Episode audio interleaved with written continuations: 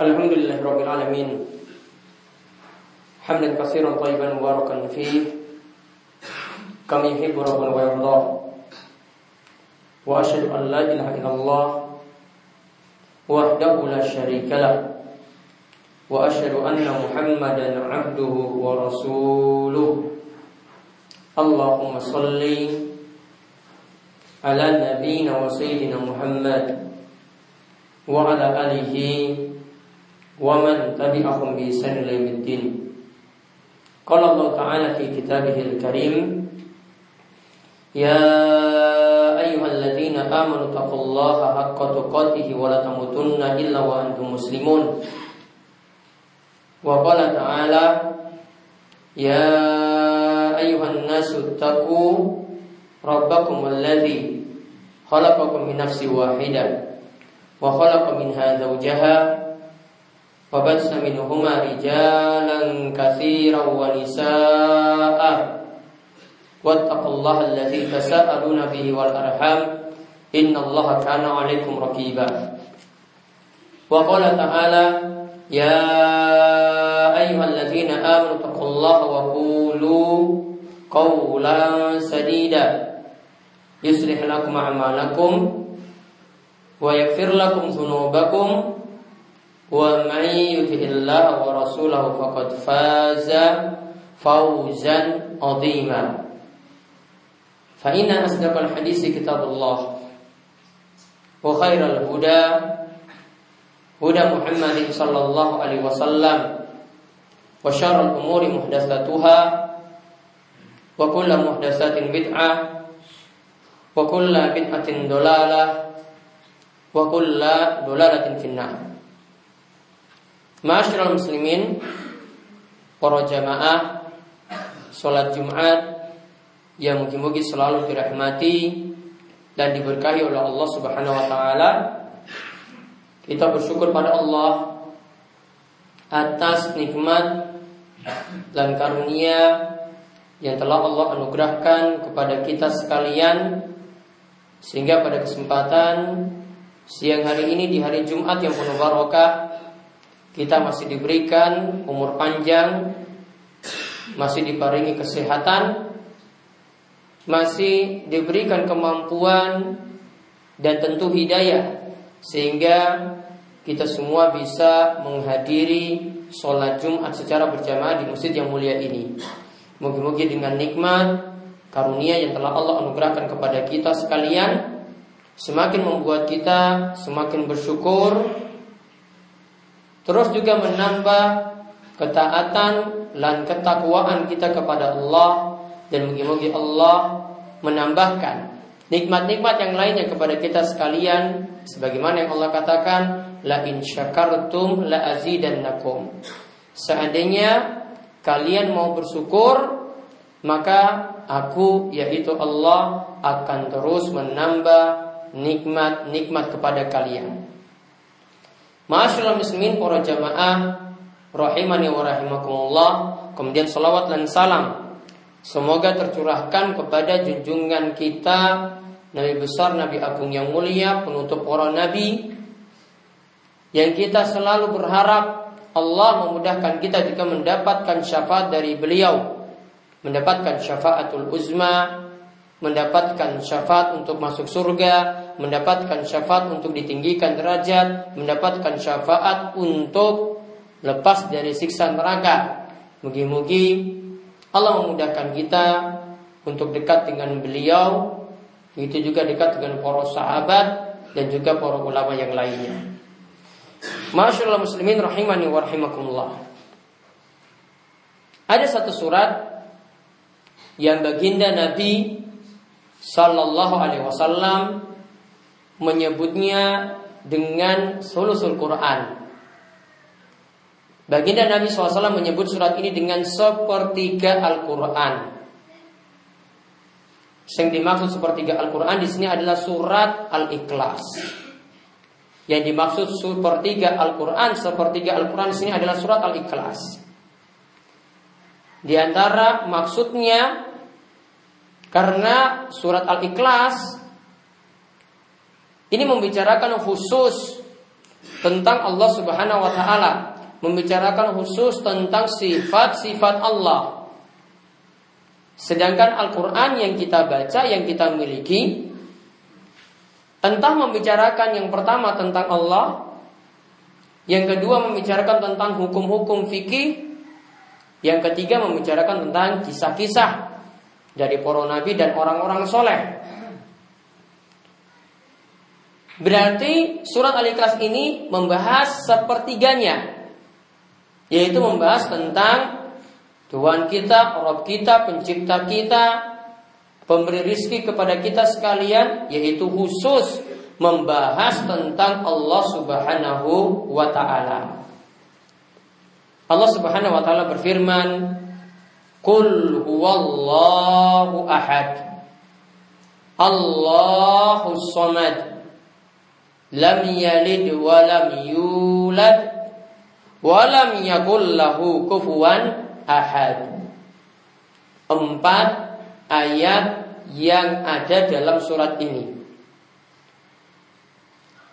Allah Subhanahu wa taala katakan yang artinya katakanlah Allah itu esa. Allah itu tunggal. Kemudian Allahus Samad Allah itu tempat bergantung setiap makhluk. Lam yalid wa lam yulad, Allah tidak beranak, tidak memiliki keturunan. Walam yulad dan Allah tidak diturunkan dari yang lainnya, tidak diperanakan. Kemudian walam yakul lahu kufuwan ahad. Dan tidak ada yang serupa yang semisal dengan Allah Subhanahu wa taala. Kita lihat tafsiran saking surat Al-Ikhlas yang terdiri dari empat ayat ini. Allah katakan Allah itu ahad. Menunjukkan bahwasanya tidak ada yang serupa sama sekali dengan Allah Subhanahu wa taala. Cuma satu saja seperti Allah. Tidak ada yang semisal dengan Allah. Oleh karena itu, kalau Allah yang satu-satunya seperti itu, dan di mana Allah memiliki sifat yang sempurna, Allah pencipta kita. Yang rezeki kepada kita sekalian. Yang mengatur alam semesta, jagat raya. Yang jadi menghidupkan dan yang mematikan kita sekalian. Karenanya Allah disebut memiliki sifat-sifat rububiyah. Kemudian Allah juga Esa dalam hal hanya Allah lah yang kita ibadahi. Ibadah lahiriah solat hanya untuk Allah Subhanahu wa taala. Sodakoh hanya boleh diniatkan untuk Allah Subhanahu wa taala. Kurban sembelihan tumbal hanya boleh untuk Allah Subhanahu wa taala. Sesaji, sedekah hanya boleh untuk Allah Subhanahu wa taala. Tidak boleh diperuntukkan kepada malaikat, tidak boleh ditujukan pada para nabi, tidak boleh ditujukan juga kepada orang-orang soleh, para wali. Begitu juga Allah memiliki sifat-sifat yang sempurna. Ini lebih ditegaskan lagi pada ayat yang kedua Allah katakan Allahu Somad. Allahu Somad. As-Somad di sini kata para ulama ada yang mengartikan kalau ahad itu berarti tidak ada yang semisal dengan Allah. As-Somad itu artinya Allah memiliki sifat-sifat sempurna. Penglihatan Allah kalau Allah melihat kita benar-benar sempurna, tidak ada yang lepas dari penglihatan Allah. Kita mau sembunyi, di balik pohon, di balik gedung, di balik tembok yang berlapis-lapis, Allah pun tahu apa yang kita perbuat. Maka orang yang berbuat maksiat patut waspada karena Allah Maha melihat apa yang kita lakukan. Kemudian dikatakan lagi ya bahwasanya menurut tafsiran yang lainnya as-somad seperti yang dikatakan oleh Ibnu Taimiyah Beliau mengatakan yang namanya as-somad itu artinya allazi yahtaju kullu Yaitu segala sesuatu setiap makhluk kita-kita ini begitu juga nabi, begitu juga orang soleh, begitu juga para malaikat. Semua butuh pada Allah Subhanahu wa taala. Wa huwa mustaqnin an kulli syai. Sedangkan Allah tidak butuh siapa-siapa. Gusti Allah, Allah Subhanahu wa taala tidak butuh siapa-siapa. Kita yang butuh pada Allah. Kita butuh rizki ya pada Allah Subhanahu wa taala. Allah tidak butuh rizki dari kita. Ketika kita sakit, kita butuh pertolongan Allah. Allah tidak butuh pada siapa pun. Allah tidak pernah merasakan sakit dan juga tidak butuh ada yang menyembuhkan Allah. Allah tidak butuh seperti itu. Artinya kita yang butuh pada Allah bergantung sekali. Kita butuh untuk memanjatkan doa kepada Allah Subhanahu wa taala.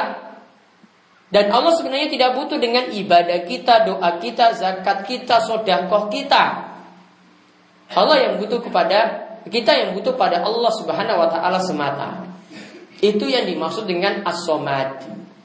Maka tidak ada yang serupa dengan Allah karena Allah itu esa dan juga kita butuh pada Allah semuanya. Dia dijelaskan lagi dalam sifat Allah selanjutnya lam yalid wa lam yulad. Allah tidak beranak. Artinya tidak ada nanti yang di bawahnya punya keturunan, Allah tidak memiliki keturunan. Maka tidak tepatlah keyakinan yang diyakini oleh orang-orang Nasrani yang menyatakan Isa ibnu Maryam. Yang mengatakan Isa ibnu Maryam itu adalah anak Tuhan. Mereka mengatakan bahwasanya Isa putra Maryam itu adalah anak Tuhan. Allah telah mengingkarinya dalam surat Al-Maidah ayat 17. Laqad kafara alladziina qalu innallaha wal masih ibnu Maryam. Sungguh telah kafir orang yang mengatakan Allah itu adalah dari Isa putra Maryam. Tuhan yang dianggap Tuhan itu adalah Isa putra Maryam. Seperti diyakini orang Nasrani. Allah tidak memiliki keturunan dari ya yang lainnya. Begitu juga Allah tidak diturunkan dari bapak atau ibu. Allah tidak diturunkan dari bapak atau ibu. Sedangkan Nabi Isa alaihissalam masih punya ibu walaupun dia dilahirkan tanpa bapak. Allah tidak serupa dengan itu sama sekali. Itu yang dimaksudkan lam yalid walam yulad. Kemudian yang terakhir dikatakan walam yakullahu kufuwan ahad. Kalau Allah itu tidak memiliki anak, Allah juga tidak diperanakan. Nah sekarang berarti kita tidak boleh beribadah pada para nabi, pada para malaikat, pada orang-orang soleh wali-wali Allah. Tidak boleh.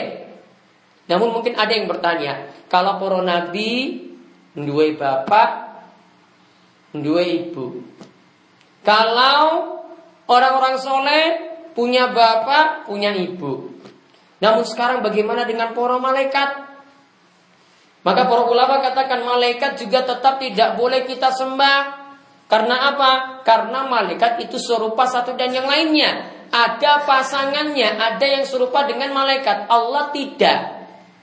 Allah tidak ada yang serupa dengannya karena Allahu Ahad. Allah itu Maha Esa. Maka dikatakan kalau untuk malaikat dan makhluk lainnya wa min kulli syai'in khalaqna la'allakum tadhakkarun. Untuk segala sesuatu itu punya pasangan. Manusia punya pasangan ada yang serupa dengannya. Malaikat pun ada yang serupa dengan malaikat. Sehingga malaikat berarti ada tandingannya. Kalau Allah tidak ada tandingan yang serupa dengan Allah bentuknya.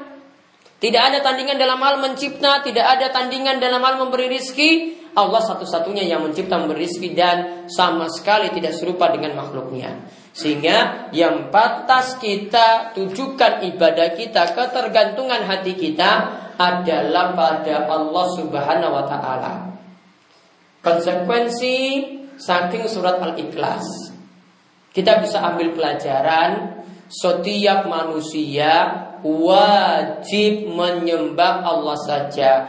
Hatinya bergantung, tawakal penuh pada Allah Subhanahu wa taala. Oleh karena itu, hati kita tidak boleh merasa sial cuma gara-gara kita bertemu dengan waktu-waktu yang kita anggap sial. Karena sebagian orang masih nganggap bulan yang kita temui saat ini bulan suro dianggap sebagai bulan sial. Maka hatinya itu tergantung wah kalau pas bulan suro saya harus khawatir besar. Harus takut. Dia tidak takut pada Allah namun takut pada waktu yaitu pada bulan suro. Dalam Islam tidak boleh seperti itu. Kemudian ini juga mengajarkan pada kita hati kita cuma bergantung pada Allah tidak pada jimat-jimat. Tidak pada alat-alat pesugihan. Tidak pada sesuatu yang dikatakan nanti bisa tambah sugih, tambah kaya, bisa melindungi kita. Kita hanya bergantung pada Allah Subhanahu wa taala untuk waktu sial tadi. Islam melarang kita meyakini seperti itu karena kata baginda Rasul sallallahu alaihi wasallam at-tiyaratu syirkun, at-tiyaratu syirkun. Yang namanya nganggap sial niku syirik, nganggap sial niku syirik, nganggap sial niku termasuk syirik. Karena ada apa di situ? Ada ketergantungan hati pada selain Allah.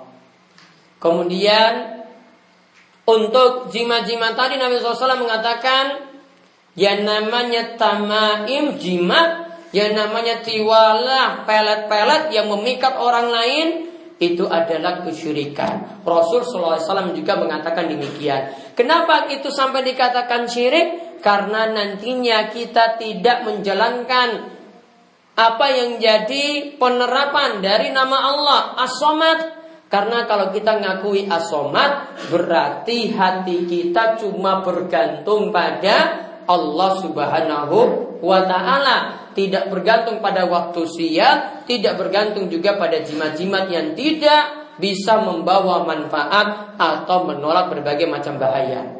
Maka dari itu, marilah kita luruskan iman kita, marilah kita merealisasikan, menjalankan surat Al-Ikhlas ini dengan sebenarnya. Mudah-mudahan kita dapat mengimani sepertiga Al-Quran ini. Dengan mengimani sifat-sifat Allah yang ada, Allah mengokohkan iman kita dan menjauhkan kita dari setiap kesyirikan. Aku qouli hadza wa astaghfirullah li wa lakum wa muslimin innahu huwas samiul alim.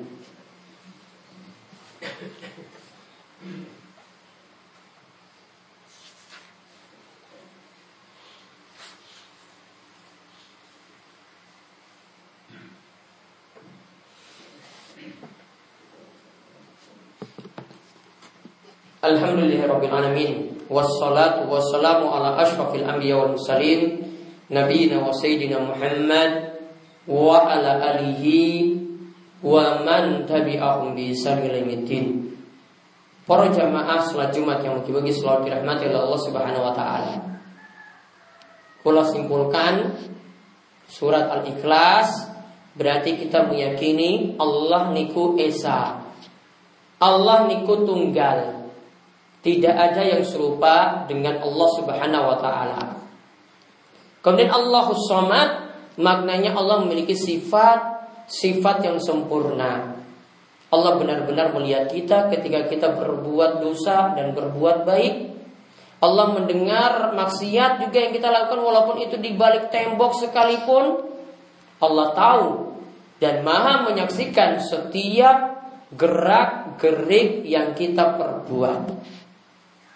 Kemudian as juga maknanya tadi disinggung oleh Ibnu Taimiyah, kita itu butuh pada Allah. Allah tidak butuh kepada kita. Kita butuh rizki dari Allah, butuh hajat-hajat kita dipenuhi oleh Allah, butuh setiap doa-doa kita dikabulkan oleh Allah Subhanahu wa taala.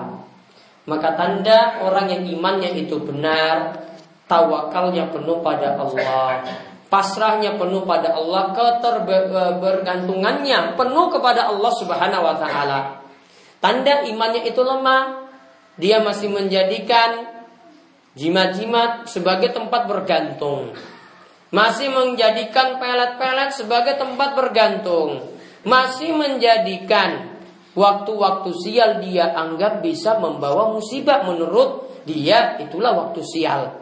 Pada setiap waktu itu dinyatakan baik di dalam Islam. Kemudian kita simpulkan juga Allah itu tidak beranak, tidak diperanakan, jadi tidak ada usul, Tidak ada yang di atas Allah Subhanahu wa taala dan juga Allah tidak memiliki keturunan. Jadi Isa yang diyakini oleh orang Nasrani sebagai anak Allah itu adalah tidaklah benar. Kemudian yang terakhir tidak ada yang serupa dengan Allah walaupun malaikat itu kita katakan tidak memiliki bapak, ibu dan keturunan namun malaikat memiliki sesuatu yang serupa. Maka Allah tidak seperti itu. Allah juga beda dengan makhluknya seperti malaikat. Maka mari kita renungkan ayat ini baik-baik, surat Al-Ikhlas ini baik-baik, bar sholat kita dituntun moco Al-Ikhlas, Al-Falak, Al-Anas.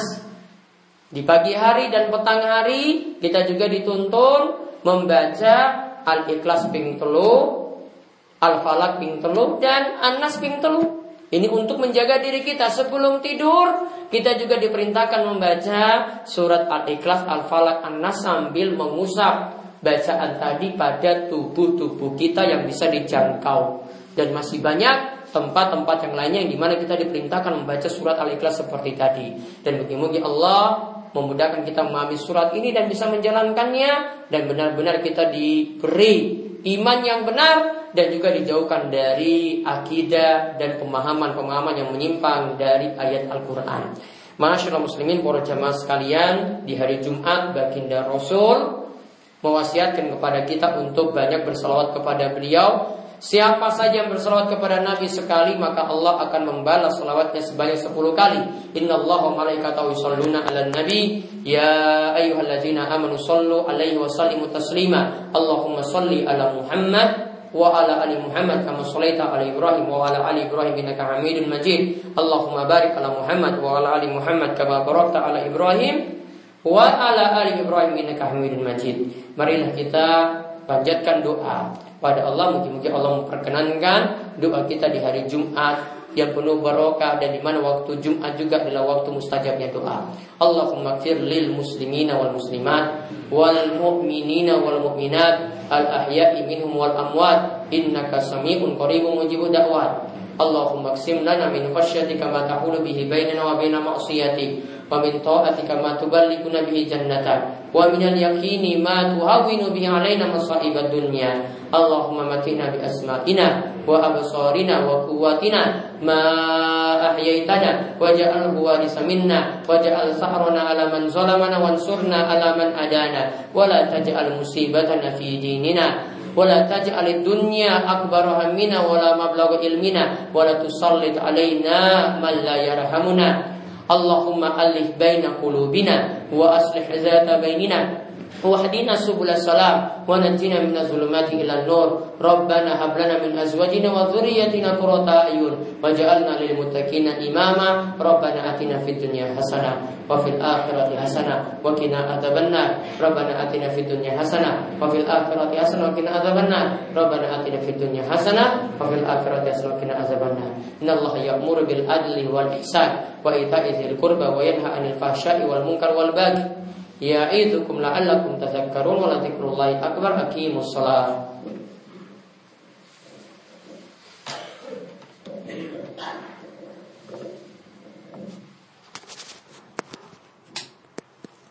Allah Akbar Allah